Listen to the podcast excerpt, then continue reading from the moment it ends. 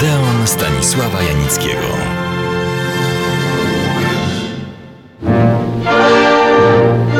Swoją opowieść o Tamarze Wiśniewskiej, naszej znakomitej aktorce, przede wszystkim filmowej, której życie było nie tylko ciekawe, urozmaicone, ale w ostatnim okresie nadzwyczaj burzliwe i dramatyczne, Tę swoją opowieść zakończyłem na roku 1937, kiedy to stworzyła w jednym z najlepszych przedwojennych filmów polskich Dziewczęta z Nowolipek przejmującą kreację, grając jedną z głównych postaci, Amelkę.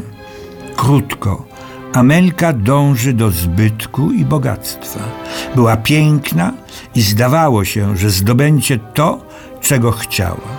Zapomniała jednak, że za wszystko trzeba płacić. Zachodzi w ciążę, wychodzi za mąż, nie za tego, którego kochała. Następny film wszedł na ekrany już w 1938 roku. Nosił tytuł Dziewczyna szuka miłości. Nie trudno się domyśleć, że grają Tamara Wiśniewska.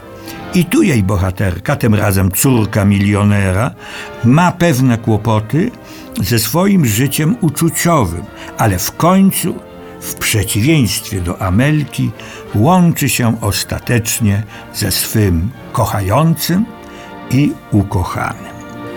Biały Murzyn to już rok 1939.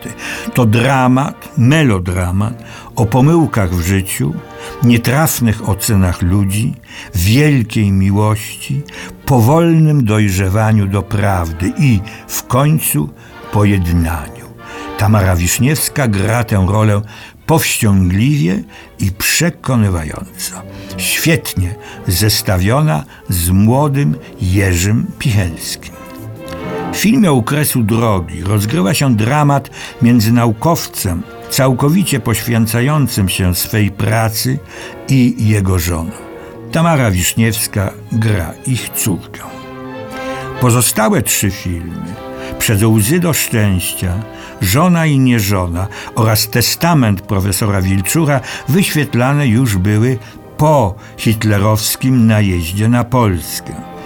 I tu, i wtedy zaczyna się ów wspomniany już dramatyczny, ostatni rozdział życia Tamary Wiszniewskiej, jej męża i córki Ireny. Okupację niemiecką pozwolił im przeżyć, jak to często bywa, przypadek. Tuż przed wybuchem II wojny światowej mąż Tamary, Władysław Mikosz, kupił sławny, legendarny lokal warszawski Adria Podczas okupacji cieszył się on u Niemców, swoisty ekstrawagancki snobizm, szczególną estymą. Z jednej strony zapewniał do czasu oczywiście egzystencję rodzinie Mikoszów, z drugiej pozwalał na kontakty z polskim podziemiem i pomocy potrzebującym. Sytuacja zmieniła się radykalnie, kiedy wybuchło w Warszawie powstanie.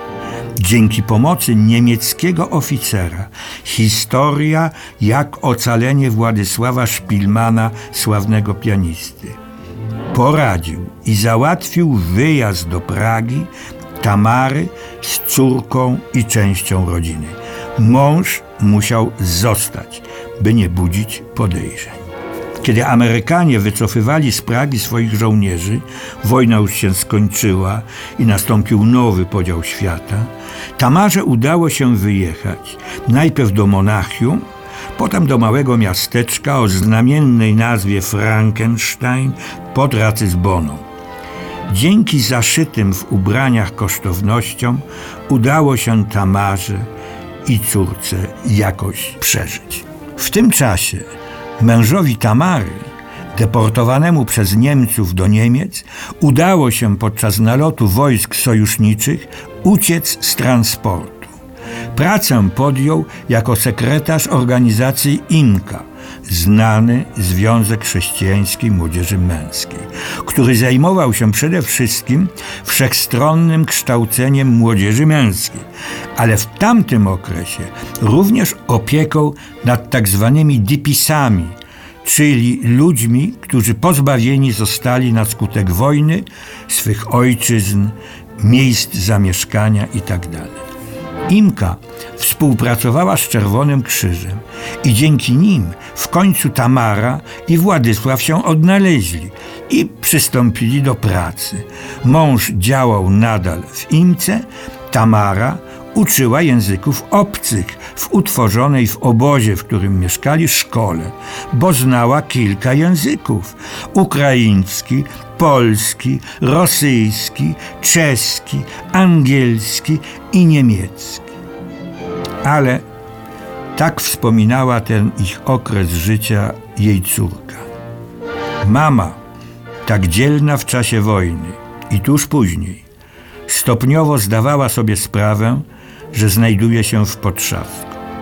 Lata leciały, a perspektywy dalszego życia się zacierały. Coraz częstsze były jej depresje. Ale to już inny rozdział. Jeśli będzie on Państwa interesował, do niego jeszcze wrócę. Do usłyszenia za tydzień.